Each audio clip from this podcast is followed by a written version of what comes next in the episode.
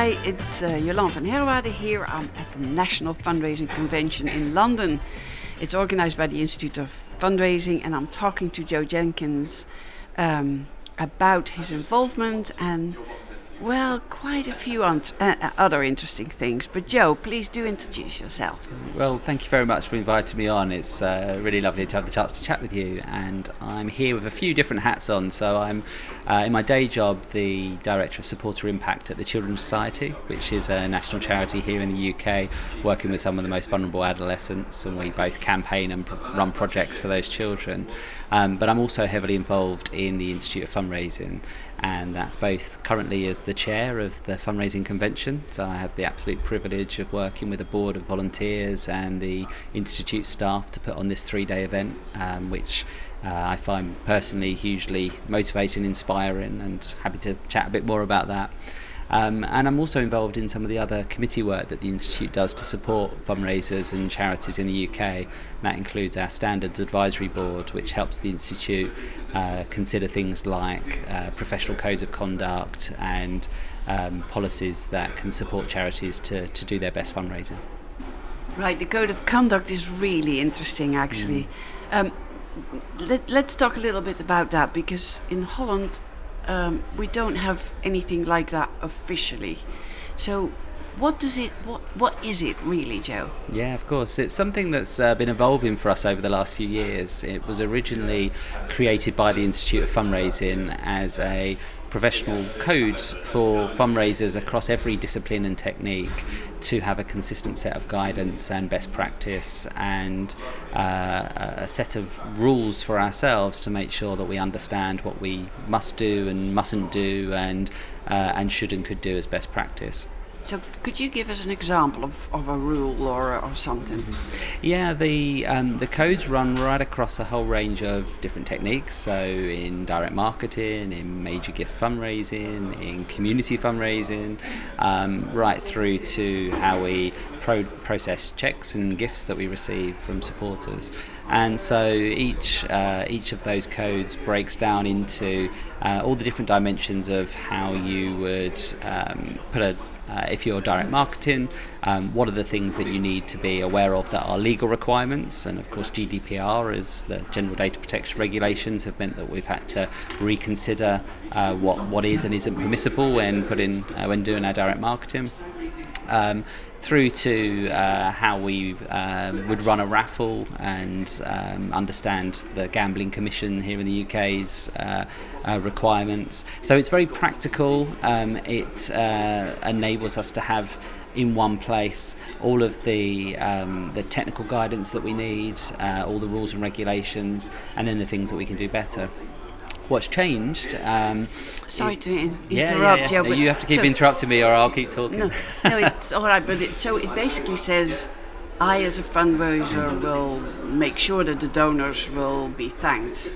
enough, and if I do a face to face, I'll make sure that it's that kind of rules, yeah, so um, for example, on face-to-face fundraising, um, so where you're uh, solicited on the street, perhaps asking for a direct debit, um, it was it will say that um, you shouldn't uh, follow somebody more than three steps down the street. Yeah. So it's that specific example. and practical. Yeah. Um, and you sign as a member of the Institute of Fundraising. You sign that you abide by those rules, isn't it? You do. Uh, and what's gone a step further, um, so I'm sure uh, you'd have heard back in 2015 when we had uh, a number of scandals and crises in the fundraising sector here. Absolutely, um, we were um, following everything. I'm sure, we yeah. With you all the way, yes. Um, and as a result of that, media scrutiny and political scrutiny, um, there was a, re- a, review that was led by the National Council of Voluntary Organisations and its chief exec, Sir Stuart Etherington, that led to a set of recommendations for changes for how we uh, regulate fundraising, which is a self regulatory system. So we're not mm. regulated by the government um, other than through the Charity Commission for charities more generally. And the, uh, as a result of that, what used to exist was a, a fundraising um, advisory board and it's been replaced by the new fundraising regulator. And as part of the fundraising regulator's remit, they have taken on the codes of conduct um, and used that as part of the self regulatory framework in the UK.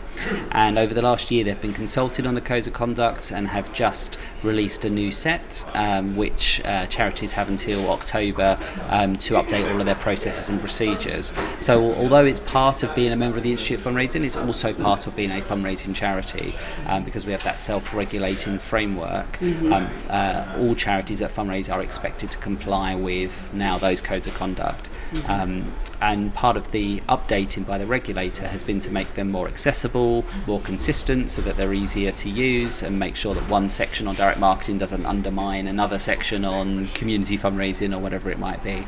Um, and they're accessible for anybody. So uh, for your listeners back in the Netherlands, you can go online to the fundraising regulator in the UK. You can download the codes. Um, there's a huge amount of really valuable um, guidance in there, as well as specific regulation for the UK fundraisers. Mm-hmm.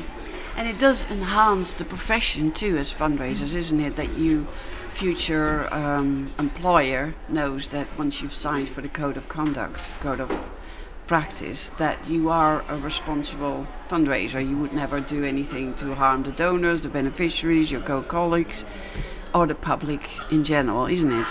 Absolutely. I think it gives us a, a, a benchmark for what good and great fundraising should look like. Um, many charities, such as my own at the Children's Society, use it as a baseline. So um, we would do no less than what's required, and then we seek to do more. That's and, a beautiful, uh, mm. a beautiful example too for mm. others, I guess. Yes. And I think uh, what what we've done, and I know many charities have been looking at this too, is set our supporter promise. And so if you come to a to the Children's Society's website as a supporter, up front we say this is our our promise to you that in support of the Children's Society you can expect these things. You can expect us to um, treat you with respect, treat your data and your information confidentially, um, and, and give you a great experience. Never ask you to do anything you wouldn't want to do, and respect the things that you tell us. Um, and underneath that, then um, within the organisation, we do everything we can to make sure that we're compliant uh, with all of the standards and all of the regulations and legislation, and then look at where we can go further. So what what's not just required of us, but would be the best thing we could do to give our supporters a better experience, so we can achieve more for our cause. Yes, is that donor promise is a beautiful mm. thing. It's a really a commitment of publicly on the website.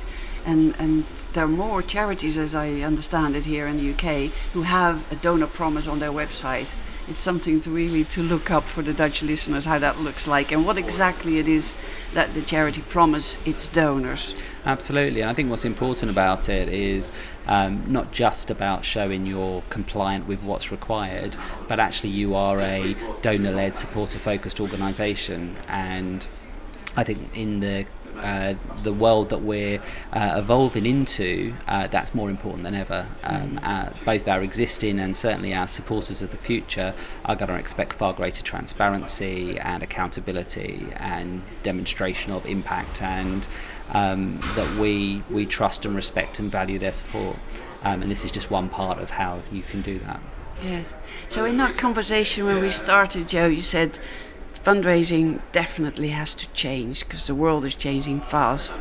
Could you give us an example of how we need to change? Yeah, absolutely. I, uh, I, I feel very strongly that the the existential question right now for every charity leader in whatever uh, market or country you might be operating in is how are we relevant to our stakeholders in the 21st century?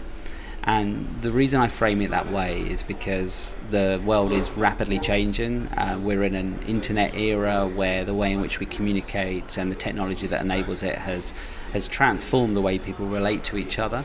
Um, we're still driven by cause and mission and purpose, and you know, human beings are still human beings. Mm. Um, but how they connect and what they expect of those that they choose to engage with is is changing. So specifically, um, I think it means moving to far more integrated engagement models rather than um, very old-fashioned, siloed organisations in which you have a fundraising team and a communications team and a campaign team or a service team broken down into we do direct marketing over here we do the major donor fundraising and so on mm. and I know that that's as true of a small organisation as a large organisation because it's very much a, an old mindset about how you run uh, organisations and that just doesn't cut the mustard. I don't think in the in the 21st century, um, people want to engage in a range of ways which are fluid and dynamic and constantly changing. And for us to keep pace with that, we need to be joined up and we need to be far more agile and dynamic. It means that we need to be able to speak to someone today who wants to make a donation and tomorrow wants to volunteer and then a week later wants to campaign and then wants to make another donation. And it just doesn't work to be set up in a way that doesn't facilitate that, that has internal teams or individuals competing with each other for who whose target they're trying to achieve. Mm. Um, and what's exciting is that um, that digital technology, if we think of it as a way of working rather than as a set of technologies, opens up uh, a whole new way of engaging with supporters, which creates more value and more impact for our causes. Mm. Wonderful. Could you give us an example of how how digital te- technology would change then? Like, because uh, uh, with all respect, there's both in Holland and here, there's still charities who grapple with the whole digital bit and they're still relying on direct mail rather than online and they're trying to convert but it's not that easy and we're still not there yet. Yeah absolutely is there, um, a, is there an example you can give it what's really beautiful and inspiring yes. if possible so um, firstly, I think uh, that this isn't a question about resources, and it's so often seen as um, that the two challenges I hear most charities talk about is either, well, we haven't got the budget to buy the systems, buy the tech that we need, and secondly, our supporters are old and only want to receive direct mail. And I think increasingly those two things um, are, are, are, not the hurdles we need to, to, to, to mount. Um, more so that uh, people want to engage in a range of ways. So people, you know, that uh, there is still a role for direct mail, but it's part of a range of different channels people want to be able to use. And technology isn't inherently expensive. In fact, uh, as a media, it's cheaper than many of the uh, channels that we've had to depend on before and I think the combination of social channels, uh, so using whether it's Facebook, Twitter, you know, the spaces where people are online to be able to have relevant conversations and then be able to translate that into ways to get involved.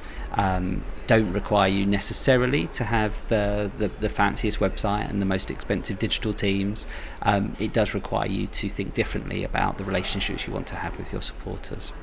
And I think at the moment in the UK, many of the most exciting examples of that aren't coming from charities. They're coming from uh, social movements that are springing up. Uh, I was just at a session today at the convention in which we had a speaker from Extinction Rebellion, who uh, I'm sure will be familiar as a, a spontaneous movement that's uh, organised along far more decentralised uh, lines, uh, people organising together to raise awareness of the climate crisis and demand that uh, appropriate action is taken.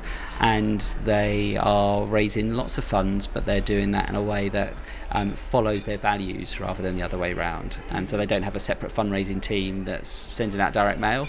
Um, they're they're on Facebook, they're using WhatsApp, they're on Twitter, um, and at the same time they're organising in real life and meeting together, and they're sharing the problem uh, with their supporters, who together are then uh, working on whatever solution they can, and that includes chipping in whatever money they can they can contribute.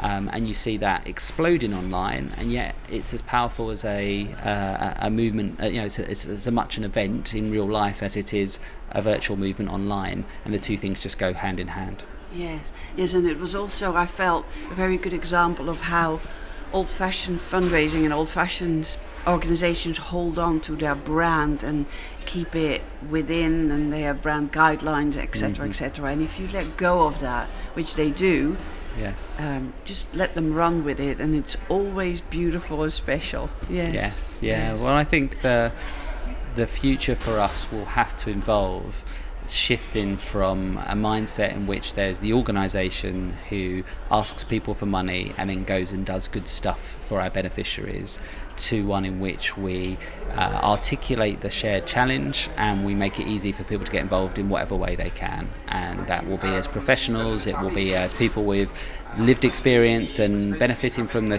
the, the things we care about. It will be people who support and do so in lots of different ways, and it will be fluid and dynamic and, and very, very exciting. And I think yes. it gives us a much better shot at, at actually solving some of the things we care about. Yes. Yes, I'd like to call it an army of lovers. Yeah. yes. Just one last question. Thank you so much, Joe, for all your insights. Um, just one question. So we're at the National Convention, and as as we understand it from our previous uh, podcast um, guests, that there are a lot of people here, 1,300, 1,500, that kind of numbers. So, so and you've done this so often. Like, what what's so special about the conference? If the Dutch listeners are hearing you, what, what, why should they come to London and be here with us? Great question, thank you. Uh, and uh, and that, I definitely extend the welcome to all of your listeners um, because we want this to be a place where fundraisers from around the world can convene. And I guess there are, there, there are three things that stand out for me. So, one, um, is, is that we create these amazing um, coming together moments, which I've seen particularly in the plenaries this year, where we've been able to bring the sort of 1,000, 1,500 fundraisers into the same room and have a shared experience in which we're inspired and motivated together. We've had wonderful speakers from Nicholas Hamilton, Lewis Hamilton's brother, uh, the sports driver, talking about he, the, the uh, journey he's been on to overcome disability and find himself and become a, a really inspiring individual. To uh, yesterday, we had. Um, Johnny Benjamin and Neil Laybourne, who were, uh, had such a wonderful story to share about how they met as strangers uh, many years ago and how that moment changed both their lives and have gone on to save lives uh, across the country.